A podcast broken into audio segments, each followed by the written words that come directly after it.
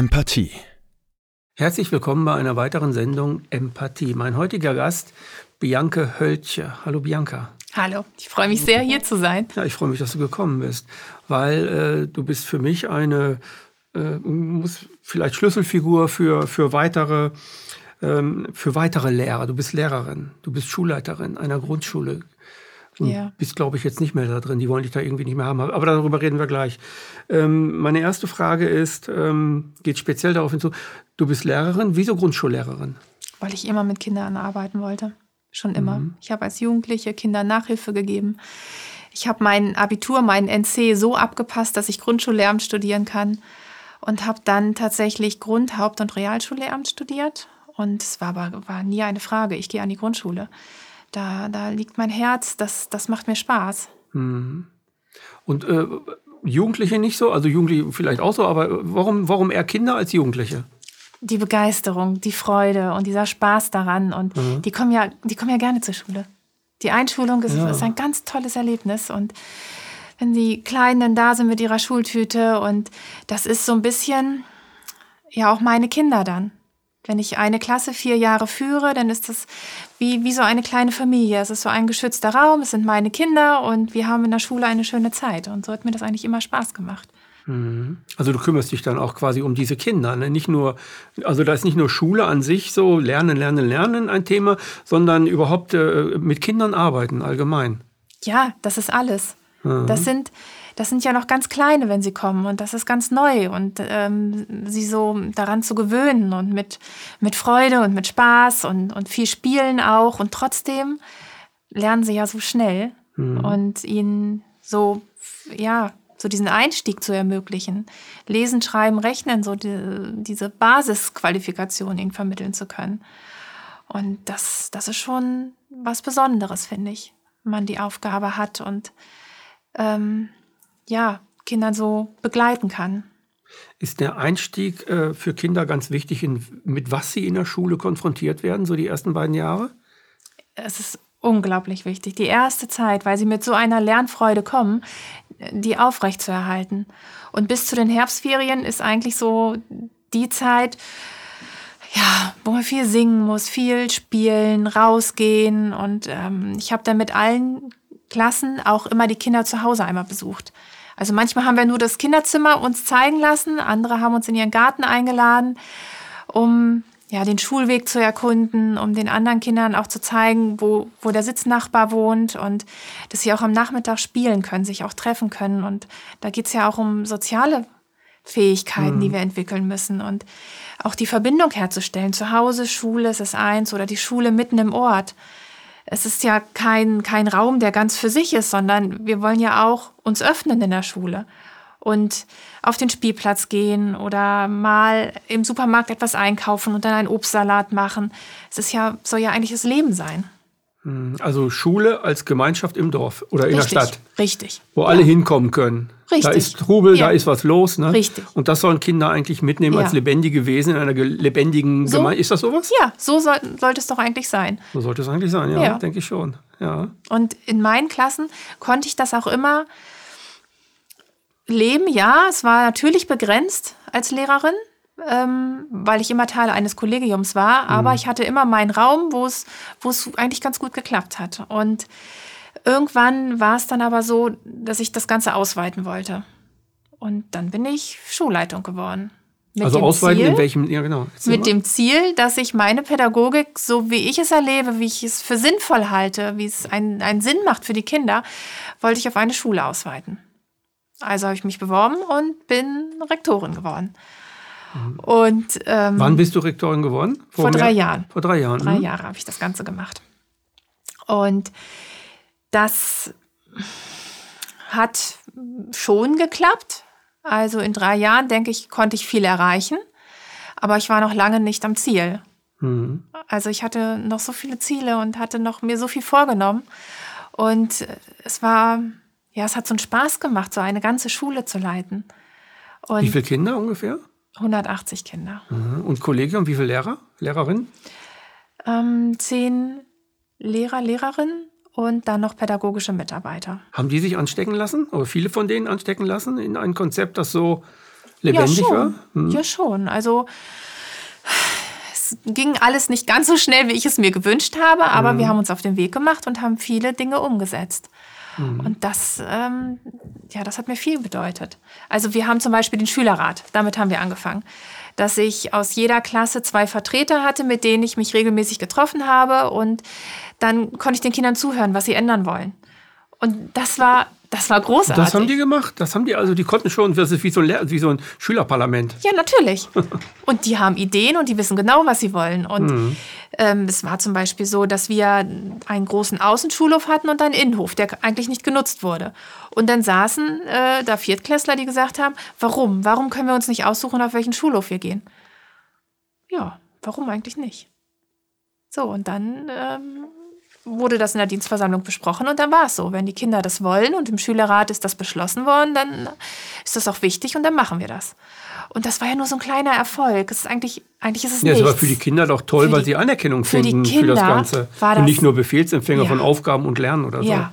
Und dann auch das Ganze in einer Schülerversammlung, wo alle Schüler sind. Und dann steht der Schülerrat vorne mit Mikrofon und sagt, wir haben beschlossen.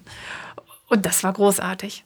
Und das sind so, ja, so kleine Sachen. Das, das war, ja, war toll. Oder dem, ähm, es gab immer noch den Milch- und Kakaoverkauf. Mhm. Und der Schülerrat hat beschlossen, dass sie das nicht mehr wollen, weil Milch und Kakao ja gesüßt ist und das ist ungesund und das macht viel zu viel Müll und das wollen sie nicht mehr. Und der Hausmeister war dann auch ganz erleichtert, dass er den Milchverkauf nicht mehr hatte. Mhm. Das ist schon, schon großartig. Also im Grunde Umweltbewusstsein, Körperbewusstsein, Essgewohnheiten, die Diät und sowas, das spielt ja dabei eine große Rolle. Also klassische Diät, ja. nicht im Sinne von abnehmen, sondern das richtige Essen. Ja, gesunde Ernährung. Und das ist für Kinder schon wichtig. Ja, natürlich. Und das sind, das sind alles Themen aus ihrem Leben, was sie zu Hause äh, kennenlernen und was sie dann auch weitergeben wollen. Und das muss ja in der Schule eine Rolle spielen. Das, mhm. das fand ich. Ja, Schule ist ja Leben eigentlich. Schule ist ja nicht nur also Frontalunterricht etc., was man so was man so hört, sondern äh, es hört sich gut an, das Konzept, was du hast. Weil Kinder sind ja das Lebendigste, was wir haben, oder das Lebendigste, auf das wir schon festgezurrt treffen, wir Erwachsenen. Und äh, diese Lebendigkeit äh, kann dann anstecken, aber diese Lebendigkeit, die soll ja im Grunde bewahrt werden. Das ist ja eigentlich Aufgabe von echter Bildung, mhm. dass man die Lebendigkeit bewahrt Richtig. und den eigenen Willen ja. bewahrt, ja. die eigenen Potenziale und, und Ich-Stärke ja. und all sowas, was da eine Rolle spielt, dass man das halt alles bewahrt und ausbaut, für, individuell für die Kinder. Ne? So soll es sein. Leider erlebe ich oft das Gegenteil. Also wenn ein Lehrer vor mir steht und sagt, ich bin Mathe... In deinem Kolleg? Nicht unbedingt. Anderer Lehrer, gut. Ja, also mhm. ich habe viele Kontakte, mhm. ähm, dass ein Kollege vor mir steht und sagt, ich bin Mathelehrer. Und dann denke ich schon, gut, der hat das Prinzip nicht verstanden weil er ein Lehrer ist, der mit Kindern arbeiten soll. Und ja, das Fach ist, ist völlig egal. Es ist schön, dass er sich in Mathe fortgebildet hat und Mathe unterrichten kann. Aber es geht doch um die Kinder. Es geht doch darum, welche Bedürfnisse die Kinder haben. Und wenn dann der gleiche Lehrer auch immer noch vorne entweder an seinem Pult sitzt mhm. oder dann wieder vor der Klasse steht und doziert, das kann es nicht sein. Nee, nicht, bei, nicht. nicht, bei, nicht in der Grundschule. Ja, auch nicht in der weiterführenden Schule. Ja, genau. genau. Ähm, er, er gehört zu den Kindern, er gehört nicht nach vorne, er gehört an die Seite der Kinder. Da ist sein Platz. Und, und das, das wahrzunehmen, und das braucht natürlich Empathie. Und das bringt nicht jeder Lehrer mit. Mhm. Und da ist das große Problem. Dass sie bei sich sind, in ihrer eigenen Rolle, dass sie bei den Inhalten sind, bei den vielen Kompetenzen. Wir haben Kataloge noch und nöcher mit Kompetenzen, die wir vermitteln sollen, aber das ist eigentlich alles nicht dran. Es geht eigentlich um die Kinder. Dass wir ihnen ermöglichen, sich, sich weiterzuentwickeln und ja, ihr Leben zu gestalten. Mhm. Also ich sag mal, ähm, also für mich ist es so, habe ich für mich so analysiert, dass äh, ich kann Bücher lesen, ich kann Videos anschauen, ich kann von jemandem doziert irgendwas beigebracht bekommen. Ich nenne das totes Wissen. Das ist totes Wissen, weil es einfach in mich reinkommt. Es kann mich groß interessieren, es ist trotzdem totes Wissen. Und dann gibt es lebendiges Wissen. Lebendiges Wissen ist etwas, das in der Kreativität entsteht, in der Auseinandersetzung mit dem, was ich jetzt weiß. Dann entsteht lebendiges Wissen. Und das ist eigentlich, glaube ich, das, was du machst mit den Kindern. Ne? Du machst ja, der lebendiges Unterschied Wissen ist Information und Erfahrung. Ja, Informationen genau. bringen den Kindern nichts. Genau. Wenn sie, ähm, nehmen wir den Gundermann. Mhm. Wenn, wenn Kinder eine Abbildung sehen, was Gundermann ist, interessiert sie das nicht. Das gucken sie sich an und mhm. vielleicht lernen sie es auswendig, aber das vergessen sie auch wieder. Wenn sie es auf dem Tablet sehen, Digitalisierung ist das Gleiche. Es sind nur Informationen. Es macht nichts mit ihnen. Es kann noch so ein schönes Bildchen sein. Es, es interessiert sie nicht wirklich. Es hat nichts mit ihrem Leben zu tun. Mhm. Aber wenn ich mit den Kindern rausgehe und wir am Wiesenrand gucken oder am Straßenrand und da werden wir den Gundermann finden und zupfen Blättchen ab und riechen mal dran und ähm, das ist so herb oder vielleicht, wenn wir, wenn wir ihn von der Wiese holen, auch mal probieren, dann werden sie ihn nie wieder vergessen. Dann werden sie Richtig. immer wissen, diese kleinen blauen Blüten, das ist der Gundermann.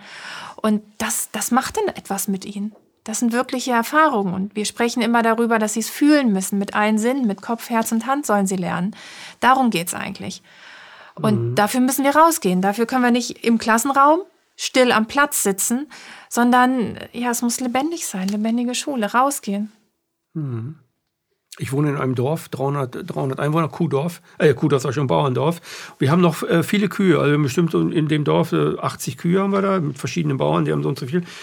Also jeden Sommer kommen die Grundschüler dahin und gucken sich die Kühe an, weil die noch nie eine Kuh gesehen haben. So, und, werden vom Bauern zu den sagen. Kühen geführt. Ich, ähm, solange ich Lehrerin bin, lasse ich in jeder Klasse Kühe malen. Mhm. Und es gibt immer so eine Geschichte, die ich erzähle von, von einer Kuh und einer Schildkröte und das ist so fremdes Kennenlernen, sich kennenlernen. Und ähm, am Ende malen wir dann diese Kuh.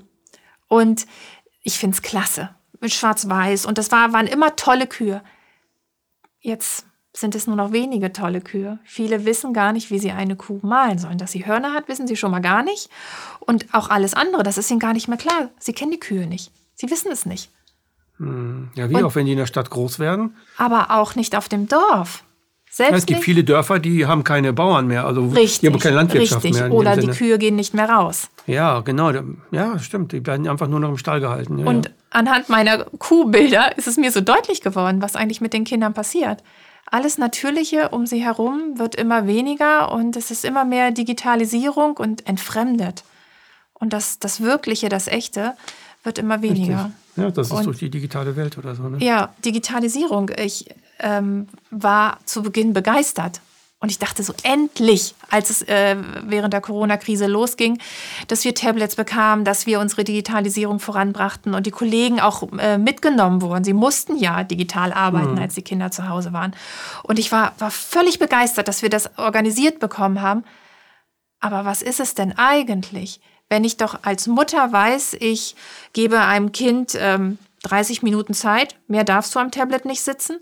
Und dann kommt die Lehrerin und sagt, okay, in Mathe 30 Minuten und in Deutsch nochmal 30 Minuten und dann noch ein Lernspiel und dann machst du bitte noch an dieser Lern-App etwas. Das kann es nicht sein.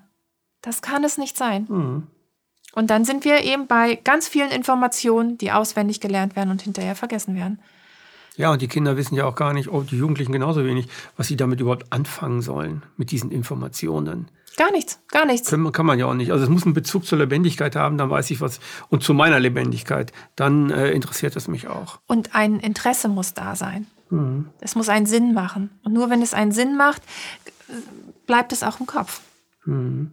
Und das fehlt den, den Grundschulen. Und jetzt hast du das hast du dir vielleicht auch nie ausge ausgedacht, dass du das mal machst, Schulleiter für Aufklärung äh, gegründet. Du bist nicht mehr auf deiner Schule und das hat einen ganz äh, deutlichen Grund. Was ist der Grund? Ja. Was hast du miterlebt? Ähm, ich habe ein Jahr lang äh, Maßnahmen, Hygienemaßnahmen in der Schule umgesetzt. Zu Beginn wusste ich nicht, ob Corona mir Angst machen soll oder nicht und ich funktioniere auch einfach als, als Schulleitung. Als Schulleitung bekomme ich Anweisungen, mhm. Verordnungen, Erlasse und die setze ich um. Und ähm, es spitzte sich über ein Jahr aber immer weiter zu, dass ich es nicht mehr aushalten konnte. Ich bin gleichzeitig auf Demos gegangen, hatte Informationen, die die Kollegen nicht hatten. Und der allergrößte Unterschied war, dass ich keine Angst vor Corona hatte. Und das hat mein Kollegium nicht verstehen können. Dass ich, dass ich mir keine Sorgen gemacht habe, dass ich mich trotzdem gefreut habe, dass die Kinder da sind. Und für das Kollegium war es so, das sind, das sind Kinder, die sie anstecken können. Sie hatten Angst vor den Kindern. Die hatten ganz große Angst vor Corona. Und dann weiterzuarbeiten, das hat sie in so eine schwierige Situation gebracht, die ich aber auch nicht verstehen konnte. Es wurde immer schwieriger. Also du hast dich aufgeklärt und hast gemerkt, die anderen klären sich gar nicht auf, gucken nur Fernsehen wahrscheinlich. Richtig. Oder Zeitungen. Ja. Aber es war auch nicht meine Aufgabe, das Kollegium aufzuklären. Mhm. Weil gleichzeitig der Druck da war, dass ich die Querdenkerin bin, weil ich auch nie, also ich war immer ehrlich, ich habe gesagt, dass ich auf Demos gehe. Aber ich habe auch nie äh, mit ihnen großartig über Corona gesprochen oder über irgendwelche Hintergründe. Gar nicht. Immer gedacht, das sind erwachsene Menschen, die können sich selbst informieren. Wissen ist eine Hohlschuld, ne? Genau. Muss man sich ja selber holen. Und ähm, dadurch, dass ich immer aufgeschlossen war und auch äh, mit meinen Vorgesetzten deutlich gesprochen habe und immer gesagt habe, ich werde die Hygienemaßnahmen nur so weit umsetzen, wie es erforderlich ist. Ich gehe nicht darüber hinaus. Und ähm, genauso mit dem Schulträger, mit der Bürgermeisterin war ich auch in meinem Gespräch. Äh, dass ich, dass ich das für die Kinder gut machen möchte und dass ich, dass mein allergrößtes Ziel ist, dass, es, dass die Kinder sich noch halbwegs wohlfühlen in der Schule. Und das Kollegium wollte, dass ich die Hygienemaßnahmen darüber hinaus erhöhe. Also wenn am Anfang eine Kohorte von 120 Kindern in Ordnung war, also innerhalb dieser 120 Kinder keine Maßnahmen, mhm. dann habe ich das gemacht. Für die Kollegen war es aber klar, ich sollte pro Klasse eine Kohorte organisieren. Und zu anderen Kohorten hätten sie dann Abstand einhalten müssen, Maske tragen und, und diesen ganzen Zauber. Und das habe ich nicht gemacht. Und das hat ähm, das hat es immer schwieriger gemacht. Und irgendwann ähm, ja, bin ich zur Schule gegangen und habe gedacht, was ist hier, was ist hier eigentlich los? Das ist nicht mehr meine Schule. So, die Weihnachtszeit war, glaube ich, die schlimmste Zeit, als wir die allerhöchsten Maßnahmen hatten. Die mhm. Kinder mit Maske durch die Schule gegangen sind, wir nicht singen durften, kein Plätzchen backen. Kreise bilden, ne? dass die da stehen in den Kreisen, war ja auch weiß nicht, ob das bei, bei dir war, wahrscheinlich nicht. Hast dich dagegen gesträubt oder das nicht mehr gemacht? Also äh, jede Klasse hatte seinen eigenen Eingang, wurde ja. von der Klassenlehrerin abgeholt, dann mit Abstand, mit Maske im Gänsemarsch in den Klassenraum, an den Platz setzen, vorher Hände waschen. Ähm, also es war alles nur gegängelt, alles organisiert, Einbahnstraßen in der Schule, Parzellen auf dem Schulhof. Und das ist, äh, ja, ich habe meine Schule vermisst. Kinder, die durch die Pausenhalle rennen und ich brülle hinterher, ey, wir gehen ja langsam. Sowas gab es nicht mehr. Ich habe nur noch Augen gesehen und äh, Kinder, die, die langsam und artig und still durchs Gebäude gegangen sind. Und das hat. Also die Kinder haben ihre Menschlichkeit rausgenommen. So hat es sich rationalisiert. Für mich, so hat es sich für mich Damit angefühlt. sie funktionieren können Richtig. für die Ängstlichen, das sage ich jetzt extra, weil wir ja schon ein bisschen länger in ja. der Corona-Zeit sind, für die ängstlichen Lehrer, die dachten, das sind jetzt Superspreader. Richtig. Und die stecken mich an, also muss, müssen die Kinder jetzt für mich als ängstlicher Lehrer funktionieren. Richtig. Du aber bist eine lebendige, Frau, eine lebendige Lehrerin, die Lebendigkeit haben will und die Kinder liebt und die das nur in den Maßnahmen machst, wie, wie es angeordnet ist und wo du immer noch versuchst, den Kindern ihre Lebendigkeit nicht wegzunehmen. Ich wollte die Kinder beschützen. Ja, ja, genau. Ich wollte ihnen. Vor den Lehrern. Oder vor den Maßnahmen. Vor den Maßnahmen. Ich, ich wollte ihnen einfach einen recht normalen Schulalltag bieten. Hm. Wir haben in der ganzen Welt, überall ist Corona. Sie erleben zu Hause auch die Medien, die Eltern, die Großeltern. Wir haben Kinder, die Angst haben, dass die Großeltern sterben, dass sie die Großeltern anstecken können. Und das sind auch Kinder, die darüber sprechen. Und ich, ich wollte ihnen einfach normalen Schulalltag bieten und sie beschützen. Und das ist, das ist doch meine Fürsorgepflicht, das ist mhm. doch meine Aufgabe. Mhm. Und gleichzeitig drehte sich das aber bei den Kollegen und den Kindern um, dass die Kinder die Lehrer beschützen mussten. Und das fand ich so perfide, das ist mir so nahe gegangen.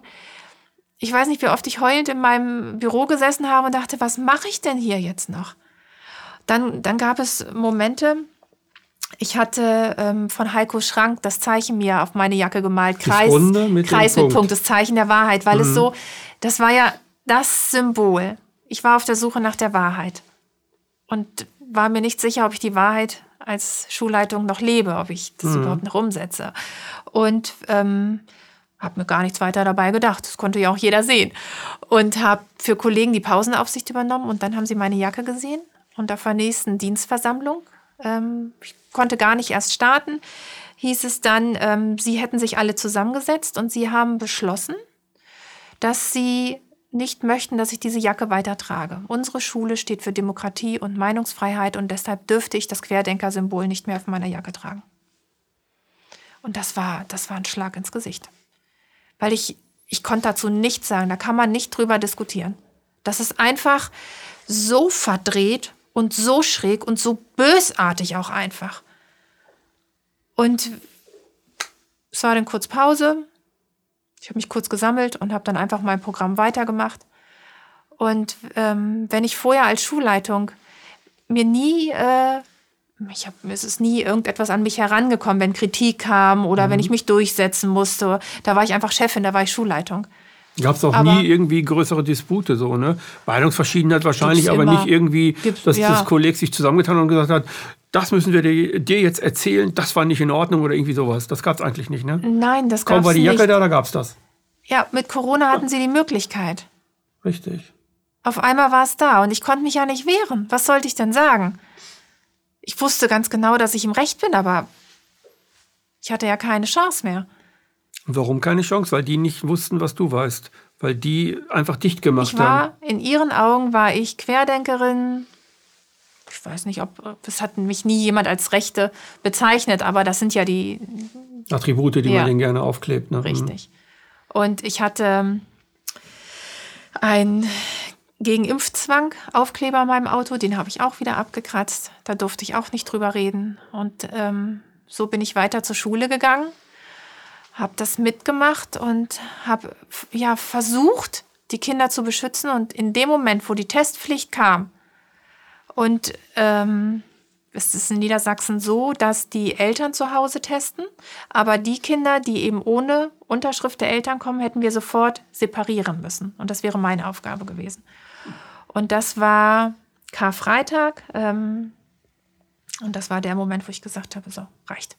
Mit kleinen Kindern Vollzugsmaßnahmen machen sozusagen, ja. ne? so eine ja. Art Vor Vorvollzug. Ja. Alle in Reihe und Glied, das, also so bin ich groß geworden in der Grundschule. Jungs da, Mädchen da, alles separieren, zack, zack, zack, sind wir rein. Das ging, glaube ich, erste, zweite Klasse und dann war das alles ganz, ganz anders. Äh, aber das ist ja aus der heutigen Perspektive was kom komplett Widersinniges. Und auf einmal waren wir da wieder. Auf genau. einmal waren wir genau an diesem Punkt wieder. Mhm. Und dann habe ich remonstriert. Und, ähm, bei Schulbehörde oder wo? Ja, bei meinem Vorgesetzten. Mhm. Und habe dann aber auch gleich gesagt, ich weigere mich, die Testung umzusetzen und ich werde auch mich selbst nicht testen. Ich finde es nicht richtig. Und habe mich krank schreiben lassen.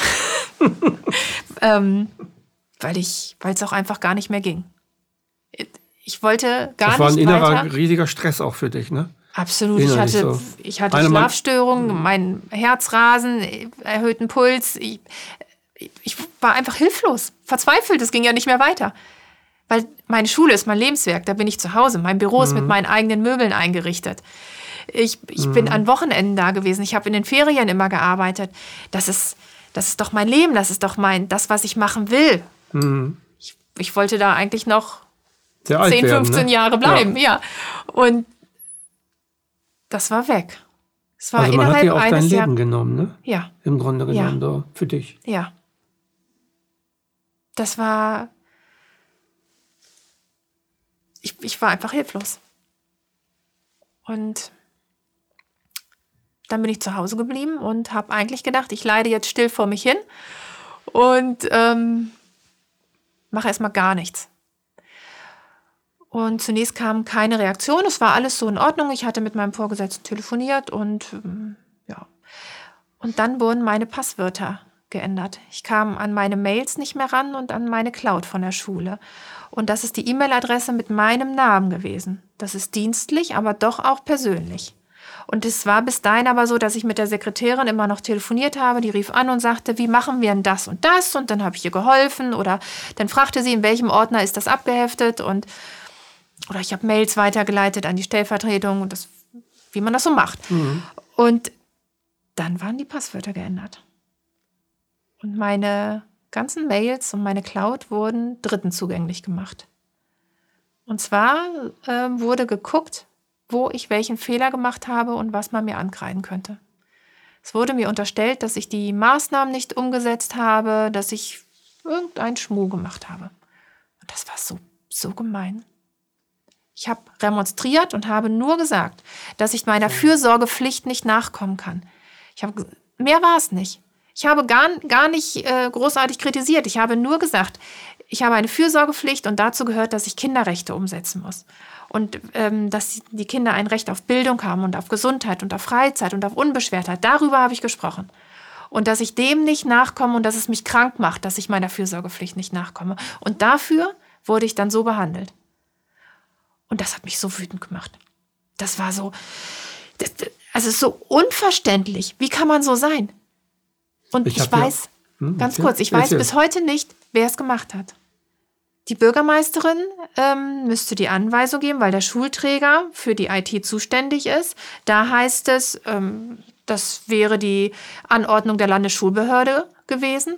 In der Landesschulbehörde habe ich nachgefragt, da heißt es, nein, also damit haben wir nichts zu tun. Das ist dann die Bürgermeisterin, das ist der Schulträger. Und das war, ich war fassungslos.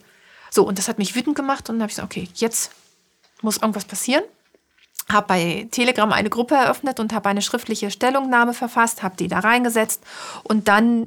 Was für ähm, eine Gruppe? Unter meinem Namen einfach. Unter deinem Namen, ne? Einfach unter meinem Namen. Mhm. Und habe, ähm, die ist viral gegangen und auf einmal hatte ich ganz viele Leute, die sich bei mir gemeldet haben und dann hieß es, mach doch mal ein Video dann kannst du noch mehr Leute erreichen. Also habe ich mich ganz spontan in den Garten gesetzt, habe ein Video aufgenommen, habe gesagt, ich bin Bianca Höltje und ich bin Rektorin und ich kann meiner Fürsorgepflicht nicht mehr nachkommen.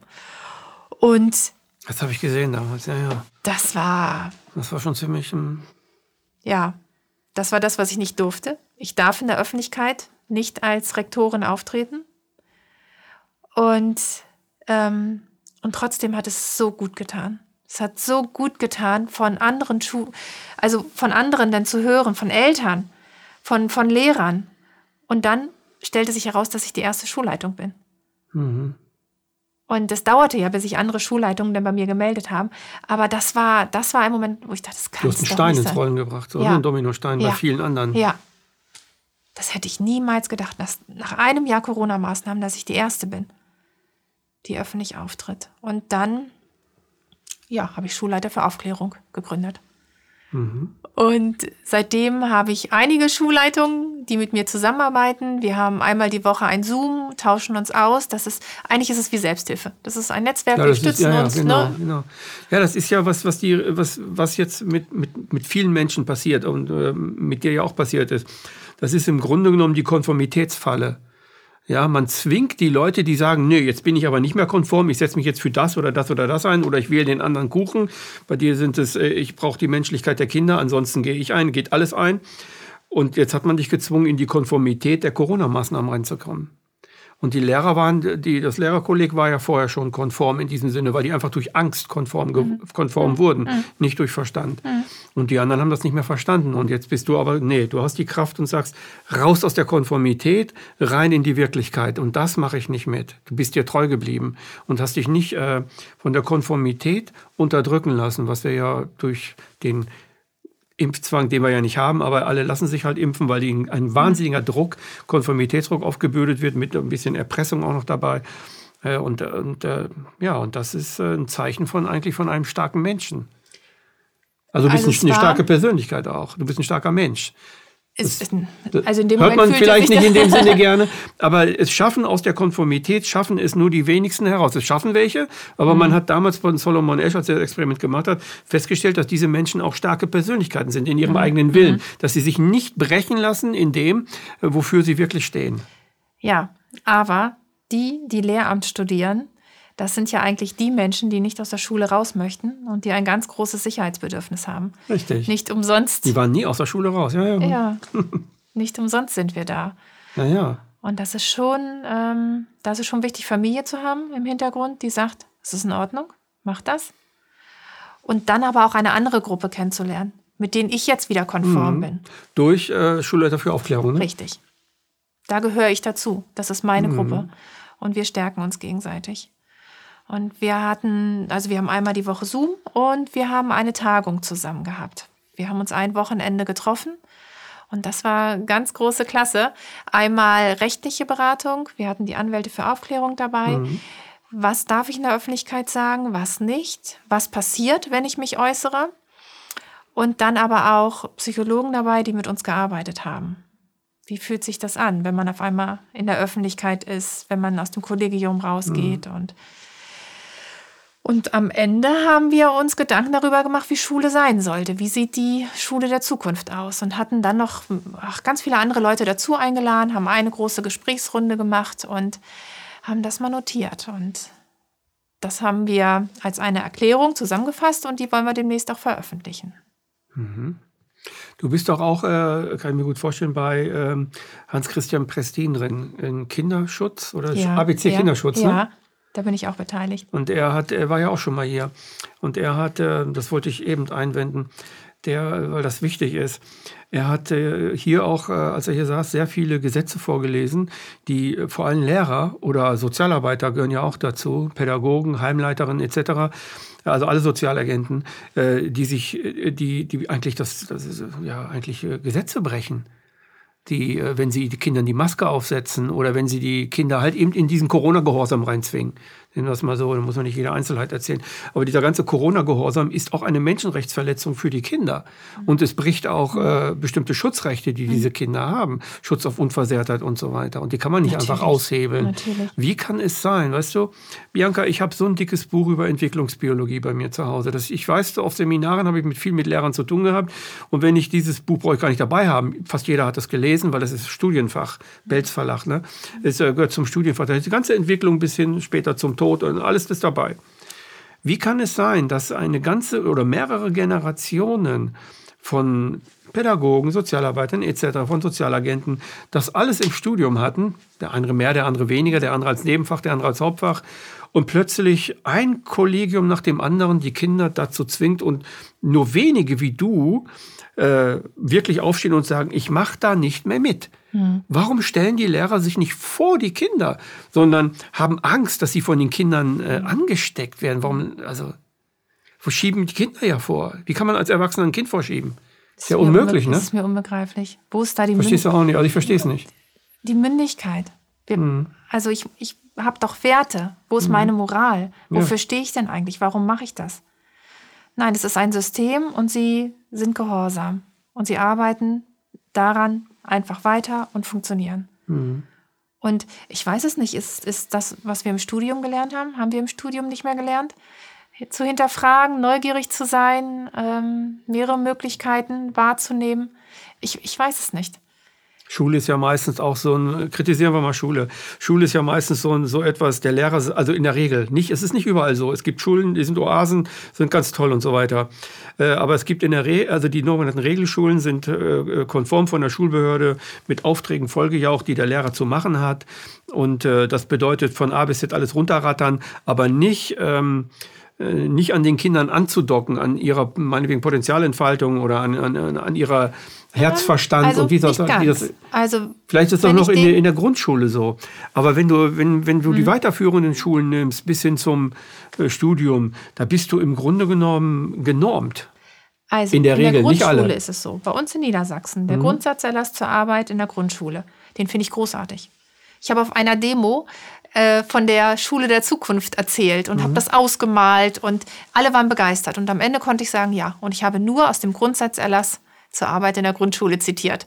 Da steht alles drin. Eigentlich müssten wir so arbeiten, aber es wird nicht umgesetzt. Im Grundgesetz steht auch alles drin. Richtig, ich meine, es wurde schon 20 ja. Mal verändert und so ja. weiter. Äh, Grundgesetz von, von meinetwegen 60er Jahre. Aber es wird auch nicht umgesetzt. Warum nee, wird es nicht ulkig. umgesetzt? Warum können Lehrer einfach machen, und weitermachen und weitermachen und es ist niemand da, der hinguckt. Wieso dürfen Klassenzimmertüren zu sein? Das ist mir unbegreiflich. Genau, genau. Und ähm, wir haben Lehrermangel. Das heißt, gerade auf den Dörfern ist es so, dass eine Schule froh sein muss, dass sie diese Lehrer hat. Mhm. Und da darf keiner ausfallen. Also hat sich die Schulleitung so zu benehmen, dass alle Lehrer da bleiben und dann lieber über Change Management kleine Entwicklungen anschieben. Das sind ja eigentlich Psychotricks, mhm. um, um die Lehrer so in die richtige Richtung zu bringen. Ja. Und das ist schon schwierig. Und eigentlich müsste man doch auch Möglichkeiten haben.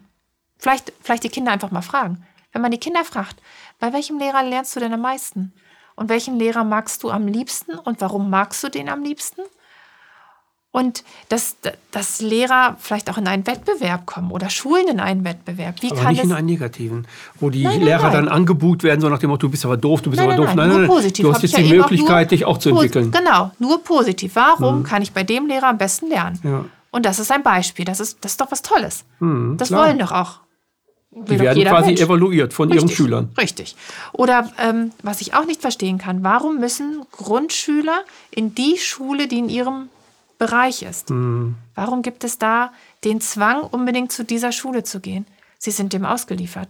Und wenn wir dann auch noch über Schulpflicht reden, und das ist ja gerade jetzt während Corona so deutlich geworden, dass die Schulpflicht eigentlich überholt ist. Mhm.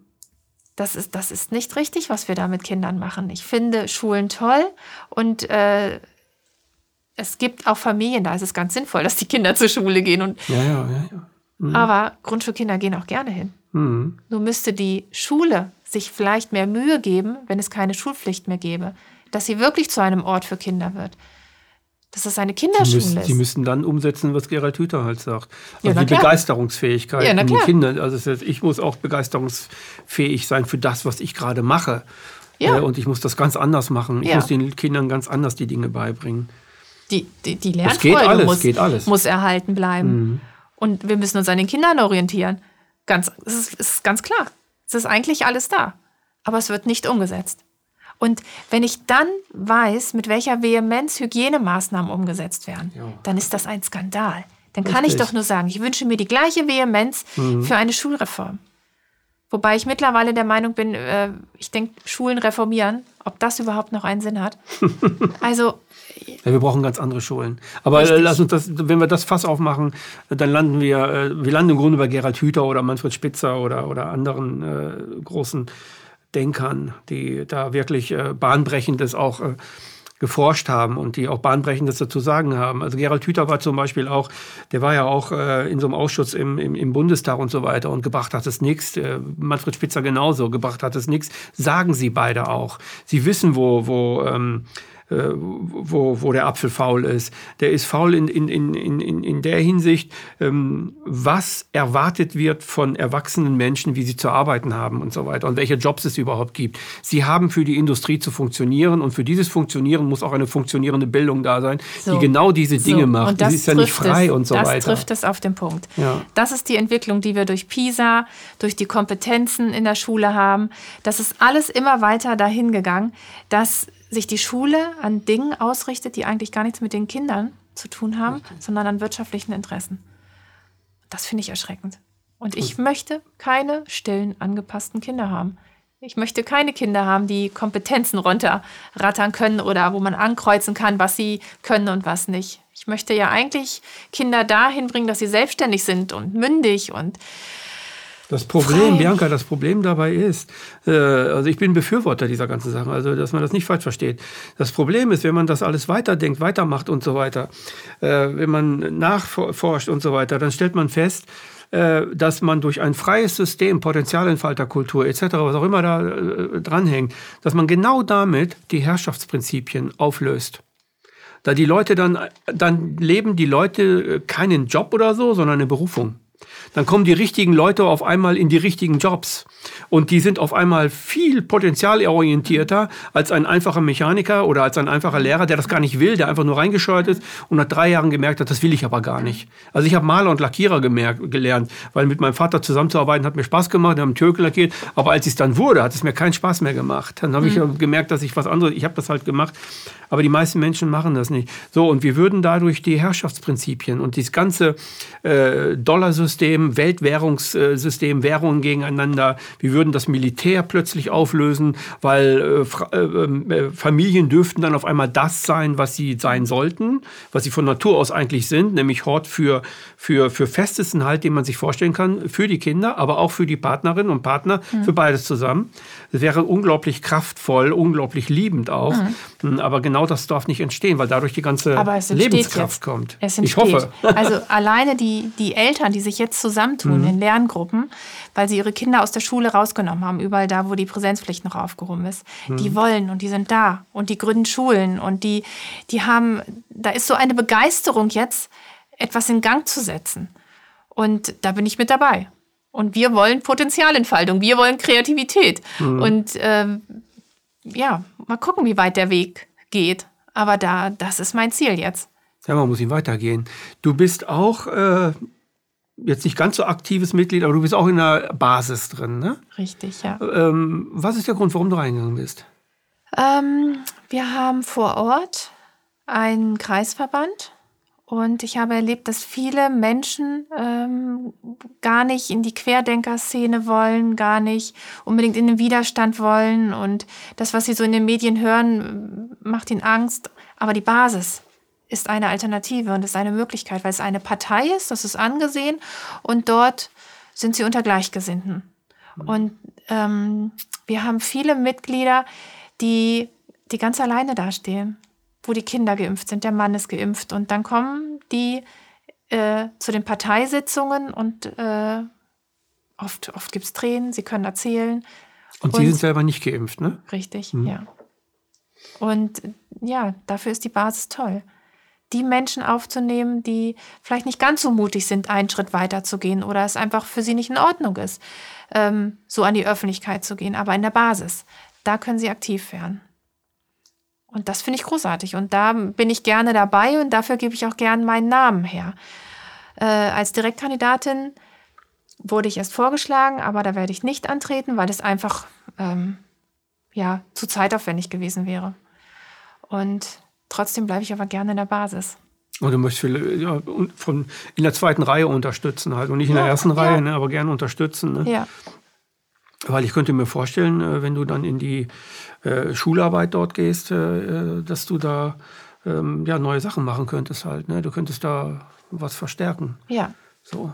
Also mit ich, den Ideen, die du hast. Ja, mich schreiben so viele Eltern, Lehrer, Schulleitungen an.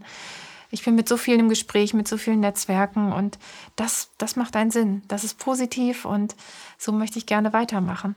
Sind das immer nur Grundschullehrer oder sind das auch äh, auch weiterführende Schulen. Auch weiter, ne? Ja. Auch Uni? Universitäten noch nicht, nein, wahrscheinlich nicht nein, so, ne? Nein, Aber die äh, normalen. Ja. Mhm. Das, ist, äh, das ist schön.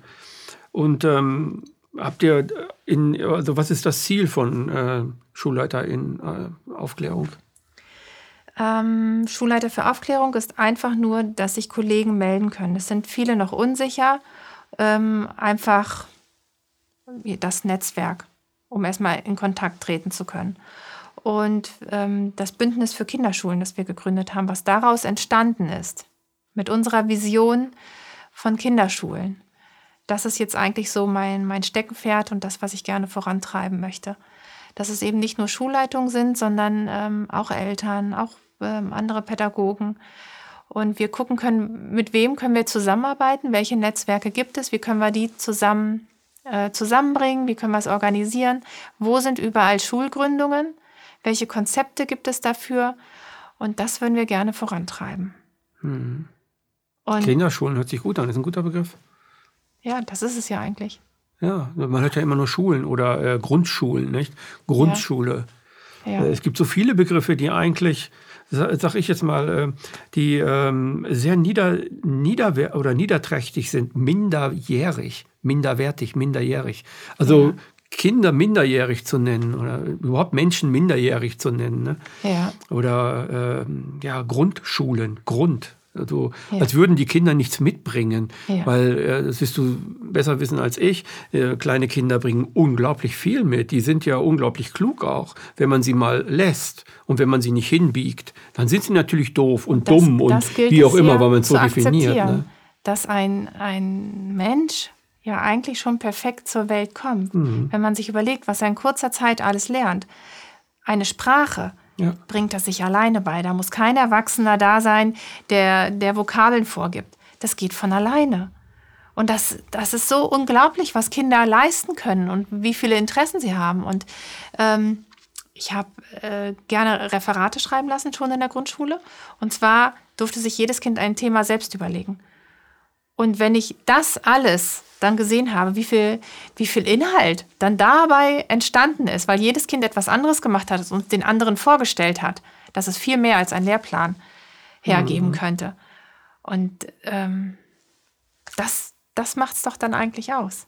Man muss die Kinder sehen und sie, ja, genau. ihnen das auch zutrauen. dass es schon das richtige Thema ist und dass sie auch in der in, ähm, auch vom, ähm, vom Inhalt her sich das zutrauen, was, was an, angemessen ist. Meistens ist das halt so, dass die, dass die, wir Erwachsenen, äh, ich bringe es ganz krass auf den Punkt, wir Erwachsenen machen Kinder zu Objekten, die sind aber Subjekte. Also wir sagen ja, ihnen so lang, so hm. lang, so lang und so weiter. Ne? Und ähm, ja, was wir, was wir brauchen, wäre halt eben, dass Kinder sich als Subjekte fühlen können. Als angenommene Wesen in einer richtig, Gesellschaft nicht als richtig. Objekte, hol mal das, mach mal das, du hast jetzt das zu lernen und da, nee, jetzt ist Mathe, nein, jetzt machen wir kein Häkeln, jetzt machen wir Mathe und so genau. noch alles irgendwie genau. so, sondern genau. es so geschehen lassen, wie ja. sie das wollen. Ich bin mir total sicher, dass daraus wunderbare Menschen werden würden, die diesen Planeten auch retten ja. und uns Wenn man retten. Sich überlegt, diese Struktur in 45 Minuten still am Platz sitzen, mhm. Mathe, Deutsch, Sachunterricht, sonst was. Das kann nicht funktionieren. Es kann nicht funktionieren, dass ein, ein Kind da sich vernünftig entwickeln kann, wenn wir dieses System so weiter äh, den Kindern äh, zumuten. Und ich sehe das genauso. So funktioniert es nicht. So sind sie Objekte und müssen irgendetwas aushalten, was der Lehrer vorgibt. Und nicht nur der Lehrer, auch die Eltern. Also ich will das nicht nur allein auf die, weil viele Zuschauer können denken, wir schieben das jetzt auf die. Lehrer.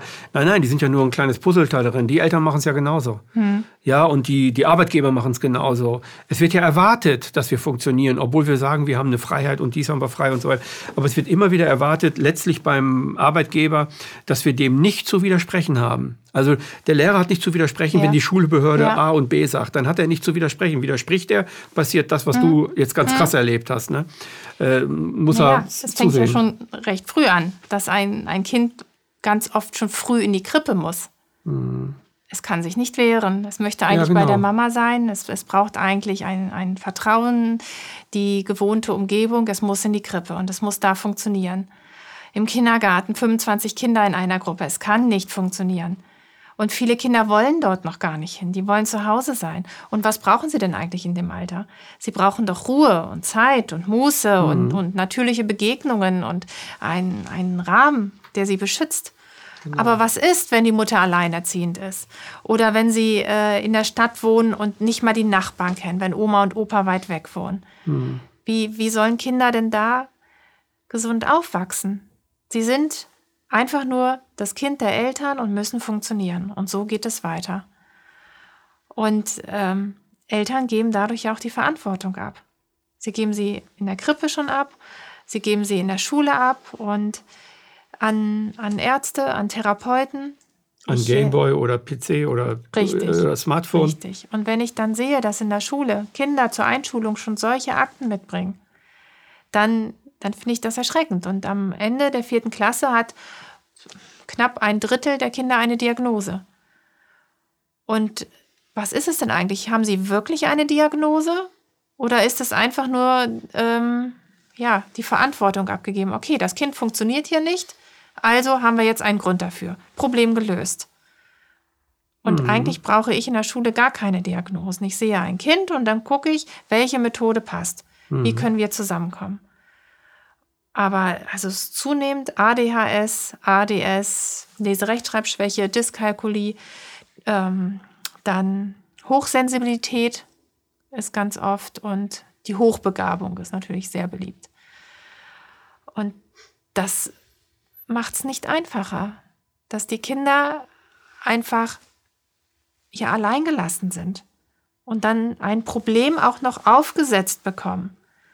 Und dann steht der Lehrer vor der Klasse und hat 25 Schüler, wovon ein Drittel besonders ist. Mhm. Dann wird es schwierig. Und dann kann ich nicht mehr nur Unterricht an Wissen orientieren. Ich kann es eigentlich nicht. Ich muss mich eigentlich um die Bedürfnisse der Kinder kümmern. Die, die, unsere Gesellschaft.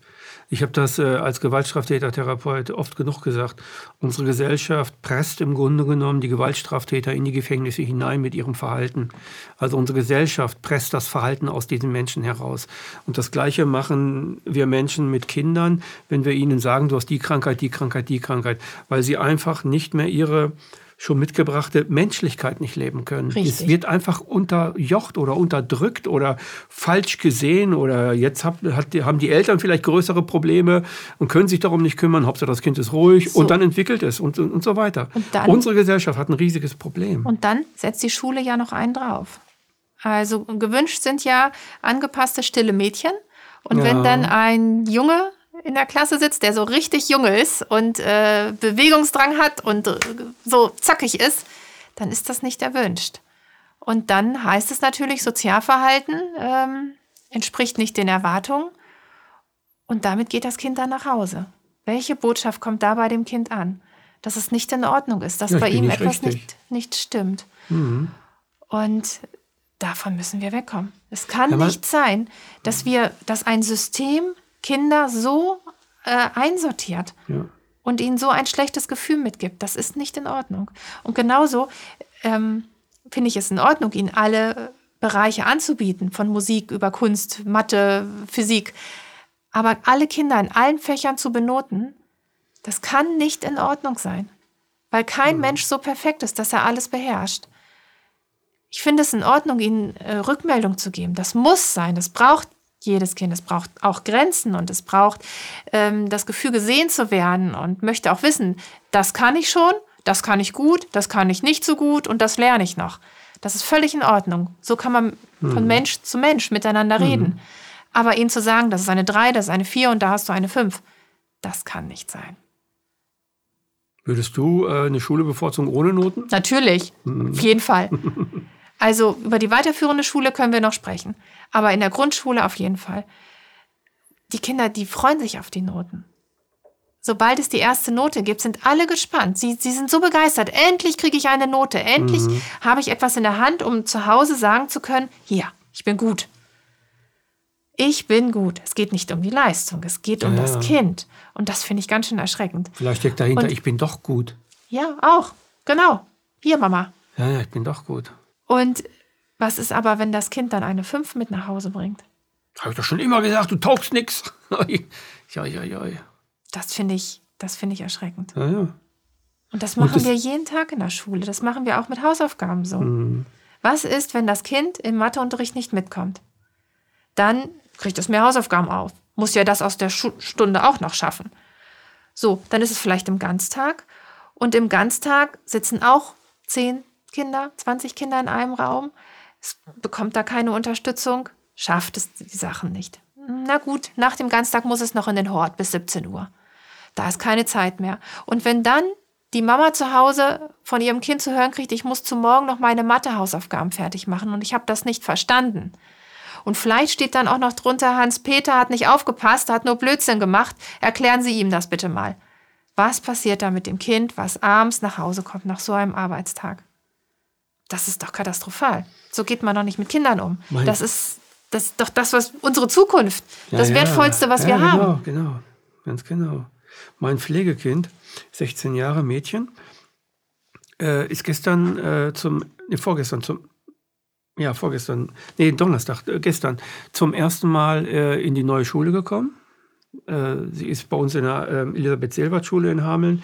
Da gehen alle rein, die Pädagogik machen wollen oder irgendwie Lernbehinderung oder irgendwie Sozialarbeit oder so. Sozialagenten werden dort vorgeschult und, äh, und auch ausgebildet. Und sie hat dann einen Maßnahmekatalog bekommen. Und dann hat sie mir im Auto, ich habe sie abgeholt, und hat, im Auto hat sie gesagt, boah, glaubst gar nicht, was die gesagt haben. Ich sage, was haben die denn? Ja, wenn, wenn, äh, wenn der Zug, wenn der Busfahrer sich verspätet, brauchen wir jetzt vom Busfahrer eine Entschuldigung, damit das auch stimmt. Ich sag, was ist das denn für ein Blödsinn? In dem Bus sitzen doch 30 Schüler. Wenn der jetzt 30 Schüler eine Bestätigung schreibt, äh, dann braucht er seine Tour nicht mehr zu fahren, dann hat er sich um eine Stunde verspätet. Dann wird der Arbeitgeber sagen und so weiter. Nein, äh, habe ich gesagt, Chiara, wenn die Lehrerin das sagen, dann sagst du mir Bescheid, dann fahre ich zum Schulleiter oder zu deiner Lehrerin und werde ihm was erzählen. Das ist weltfremd. Also, d- Ja, aber äh, da denke ich mir manchmal, ja. was machen die für Ko Denken die nicht nach? Die können doch nicht sowas sagen. Dann, und sie hatte totalen Stress. Warum bringen die den Kindern diesen Stress in, in den Kopf? Mhm. Denke ich, am ersten Tag in der Schule. Da hat man doch schon keine Lust mehr zu lernen. Ja, Also, das ist- ja. das ist doch äh, gruselig, ne? Jetzt die Erstklässler, die gerade eingeschult wurden. Ich war so in Gedanken dabei, da dürfen die Eltern nicht mit in die Schule. Hm. Die werden am Eingang ja. abgegeben. Es ist ein fremdes Gebäude. Wir haben sonst mit dem Kindergarten zusammengearbeitet, haben die Kinder vorher mhm. in die mhm. Schule geholt. Sie durften mal in die Klassen. Und es ist doch selbstverständlich, dass Eltern mit in die Schule dürfen. Und auch vor Corona gab es Schulen, die Eltern nicht erlaubt haben, in die Schule zu kommen. Das kann ich überhaupt nicht verstehen. Mit Eltern müssen wir doch zusammenarbeiten in der Grundschule. Ja. Ich habe immer gesagt, ähm, ich bin die Expertin fürs Lernen und zu den Eltern, sie sind die Experten für ihr Kind. Und nur zusammen kriegen wir es hin. Mhm.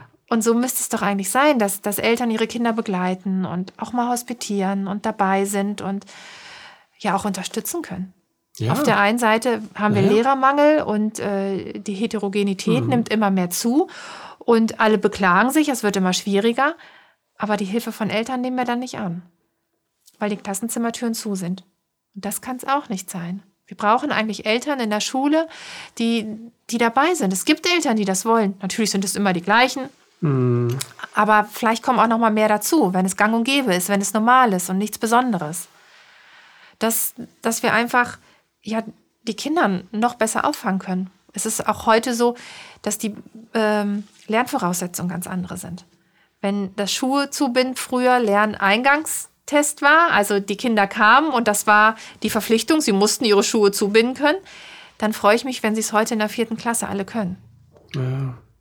Das ist nicht mehr so. In der ersten Klasse haben wir Kinder sitzen, da ist einer, der kann sich die Strümpfe noch nicht selbst anziehen und der nächste hat sich das Lesen selbst beigebracht. Und die sitzen, nach Alter sortiert, alle in einer Klasse. Und das passt heute nicht mehr. Eigentlich brauchen wir Lerngruppen, die sich finden, die die, die gleichen Lernvoraussetzungen haben. Und das geht so weit auseinander. Die Chancenungleichheit ist so groß wie noch nie.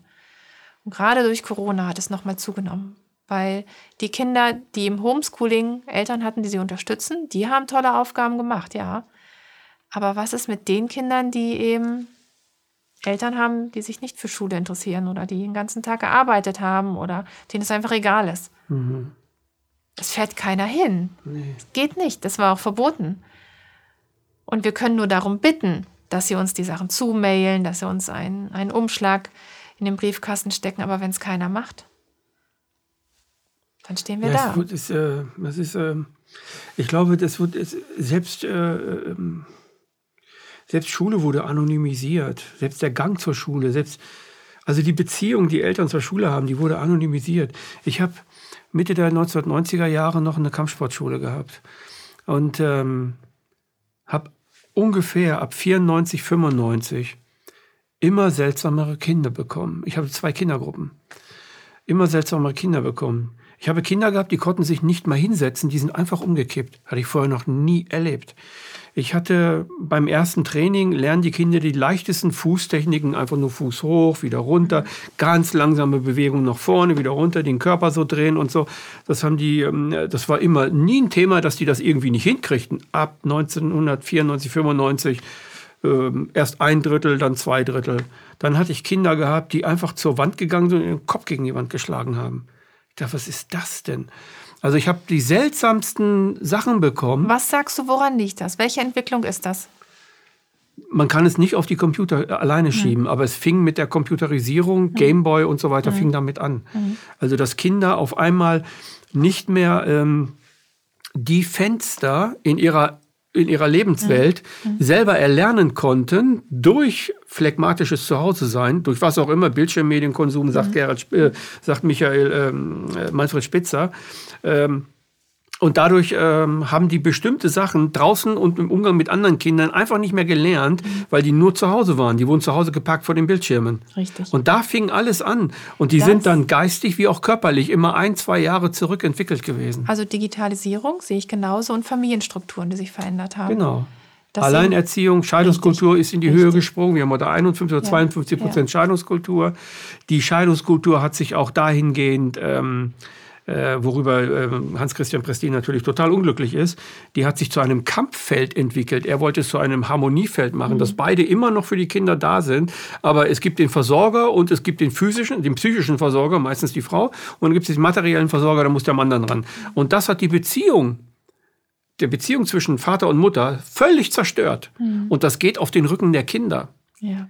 Die werden dann also ähm, parenttionalisiert. Also die müssen sich dann in einen Loyalitätskonflikt finden, die sich wieder und äh, müssen natürlich bei dem, wo sie sind, alles toll machen und bei dem, die sie nicht sind, den müssen sie verbuhen, weil mhm. meistens Mama oder vielleicht Papa äh, das dann verbuhen. Und das ist eine Kommunikation, die die Kinder völlig zerstört innerlich, weil wenn ein Junge oder ein, sagen wir mal, ein Mädchen meinetwegen ähm, nicht mehr zu seiner Mama darf, muss es die weiblichen Anteile, die es hat, die sie von Mama kennt, in sich selbst zerstören. Sie muss sich das selbst zur Hälfte suizidieren. Ja. Ja. Und ähm, bei Jungs ist es dann die männliche, die muss er jetzt suizidieren. Was? Ich darf nicht mehr zu Papa. Ich muss, aber der hat ja viel von, von Papa. Mhm. Und äh, die Tochter hat viel von Mama. Mhm. Die hat, Tochter Richtig. hat auch viel von Papa. Ja. Aber die müssen dann ihre Identität, müssen die auf einmal zerstören. Mhm. Weil Mama sagt oder Papa sagt, ne, so und so ist mhm. das jetzt richtig und Loyalitätskonflikt halt. Und der spielt eine ganz große Rolle, äh, nicht nur in der, in, der, in der Schicht, wo die Leute vielleicht wenig Geld verdienen. Sagt man ja gerne bei den Hartz-IV-Empfängern. Nein, nein, nein, nein, das nein, ist nein. auch oben so. Mhm. Bei denen, äh, die 4.000, 5.000 mhm. Euro pro mhm. Person verdienen, ist das mhm. nämlich ähnlich. Diese, ja, weil die ihre eigenen. Es ist nicht mehr ausgewogen, sie können sich nicht entwickeln. Ja, genau. Und wenn sie gleichzeitig in den Medien aber immer hören, dass Patchwork ja ganz modern ist und ganz normal ist und es ist eine Selbstverständlichkeit und in jeder Sitcom kommt das vor, das kann es nicht sein. Das kann nicht sein. Das ist nicht gut für Kinder. Ja, weil der Staat sich natürlich, äh, der Staat passt, äh, passt diese Leute an, weil er es nicht lösen kann, das Problem, weil er müsste dann einen anderen, ein anderes Finanzwirtschaftssystem mhm. aufbauen. Mhm. Das ist äh, das Grundübel von allem. Und das, dazu ist der Staat nicht bereit, weil er mit seiner Währung im Wettbewerb zu den anderen Währungen ist und dann wiederum im Wettbewerb zu den Leitwährungen und dann mhm. wieder im Wettbewerb zu denen, die die Leitwährung jetzt ein bisschen, in den, also China, die das jetzt auf eine ganz andere Ebene bricht und so. Und das ist ein Riesen. Das ist ein, also wenn man sich das mal vorstellt, dass das von ganz oben bis nach ganz unten geht, ne? also wie so eine Zwiebel eigentlich. Mhm. Oben sitzen dann die Staaten und unten im Kern sitzen die Kinder. Mhm. Und die werden von den anderen Kernen richtig zerdrückt. Ja. Und das ist eigentlich ein, was wir machen, ist ein Verbrechen an der Menschlichkeit. Und zwar ausgeübt an den Kindern. Eigentlich geht es um die Kinder. Ja, das natürlich. ist eigentlich das Wertvollste. Ja. Also ich, ich werde ja oft um Rat gebeten. Und eigentlich gebe ich immer den gleichen Rat. Ich sage, Mütter, kümmert euch um eure Kinder. Mhm und auch ähm, Müttern den Mut zuzusprechen, auch zu Hause zu bleiben. Sie müssen nicht arbeiten und das habe ich selbst erlebt. Ich war mit meiner Tochter sieben Jahre zu Hause und das war nicht unbedingt einfach, weil es von außen immer wieder Unverständnis war. Wieso hast du denn studiert, wenn du jetzt zu Hause bleibst? Du kannst doch auch eine Tagesmutter organisieren und es gibt doch Krippen. Warum gehst du denn nicht arbeiten? Ich so, nein, ich möchte zu Hause bleiben. Und selbst als meine Tochter im Kindergarten war, bin ich zu Hause geblieben. Ich bin hingefahren zum Kindergarten. Ich habe da unterstützt, ich habe mitgeholfen, ich habe, ich war für sie da. Und dieser, ja, dieses Unverständnis, das, das, ist ja auch, also das ist durch eine ganz bestimmte äh, politische Struktur ist das in die rechte Ecke gedrückt worden. Also wenn eine Frau Mutter sein will, dann ist das schon fast nationalistisch, narzisstisch und so weiter. Und wenn ein mhm. Mann sagt, ja, ich möchte gerne äh, arbeiten, aber meine Frau mit den drei Kindern soll zu Hause bleiben, das finde ich viel besser, dann wurde der auch in die rechte Ecke gedrückt. Ja. Nein, die Frau muss sich, also Emanzipation und Frauenentwicklung ist in Hand von Wirtschaftsbossen, von ganz, ganz großen Wirtschaftsmagnaten. Das haben auch schon viele gesagt. Ja, das, das hören nur ja. wenige. Ist, äh, die Emanzipationsbewegung ist äh, im Grunde genommen ein, ein, ein Lenksystem. Natürlich wieder für die Herrschaftsstrukturen. Richtig. Also die Kinder werden den Eltern aus der Hand genommen, den Müttern. Ja, natürlich. Und das fängt aber auch schon in der Schwangerschaft an. Richtig. Oder wie Geburten sind. Warum können Hebammen nicht mehr so arbeiten, wie sie wollen? Richtig. Und wenn ich daran denke, als ich mit dem Kinderwagen unterwegs war und äh, wie das dann so ist, andere Mütter mit Kinderwagen, wir wollten über die Geburt reden und dann hörte ich Ultraschall, Lungenreife, ähm, ich, ich weiß nicht, was sie alles gemacht haben im Krankenhaus. Wir haben eine Hausgeburt gemacht.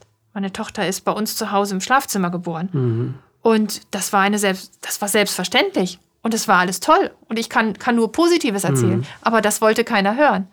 Und ich finde es erschreckend, was andere Mütter erzählen, wie eine Geburt im Krankenhaus abläuft. Dass ihnen das Kind nicht direkt gegeben wird, dass es erst einmal untersucht wird. Und und dann über Impfungen müssen wir gar nicht reden, das wissen mhm. wir alle. Das finde ich einfach nur erschreckend.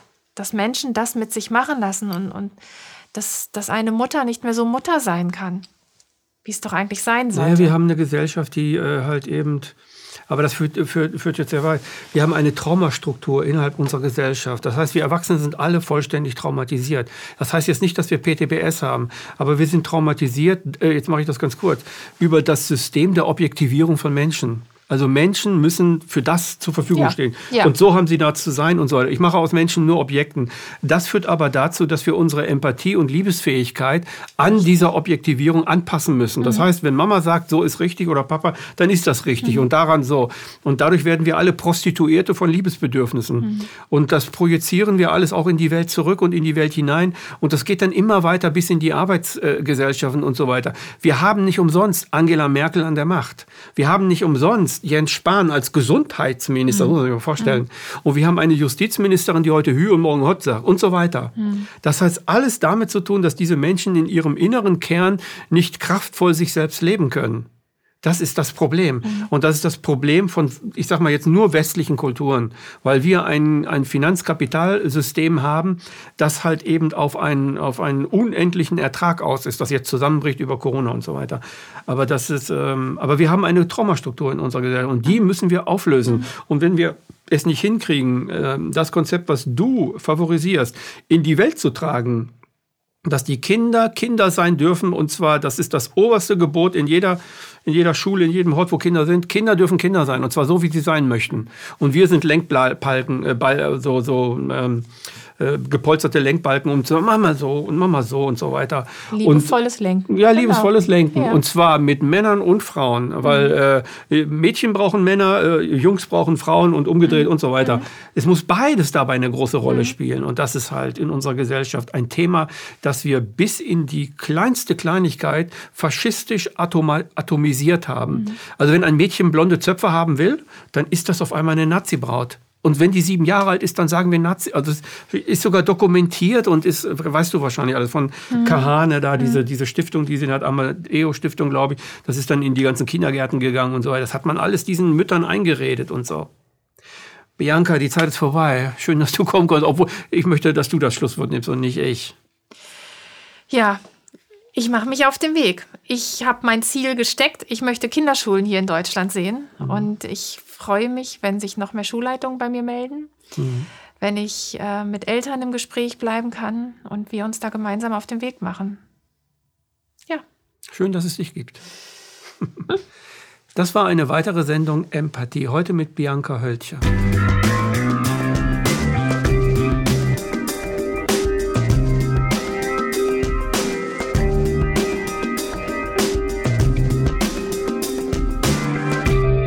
Danke, dass Sie Apolut eingeschaltet haben. Wir sind ein unabhängiges Presseportal. Uns geht es um Meinungsvielfalt, Toleranz und einen möglichst breiten Debattenraum, denn nur so funktioniert Demokratie. Unsere Arbeit ist technisch aufwendig und kostet Geld. Da Sie immer wieder hier sind, unterstützen Sie Apolut am effektivsten mit einem Dauerauftrag. Mehr Infos auf apolut.net/unterstützen. Apolut ist keine Einbahnstraße. Lassen Sie uns in Kontakt bleiben. Abonnieren Sie den Apolut Newsletter, so verpassen Sie nichts. Registrieren Sie sich auf apolut.net/newsletter. Natürlich gibt es Apolut auch als App. Einfach auf apolut.net/app runterladen und mobil auf dem Laufenden bleiben. Apolut. Das denke ich auch.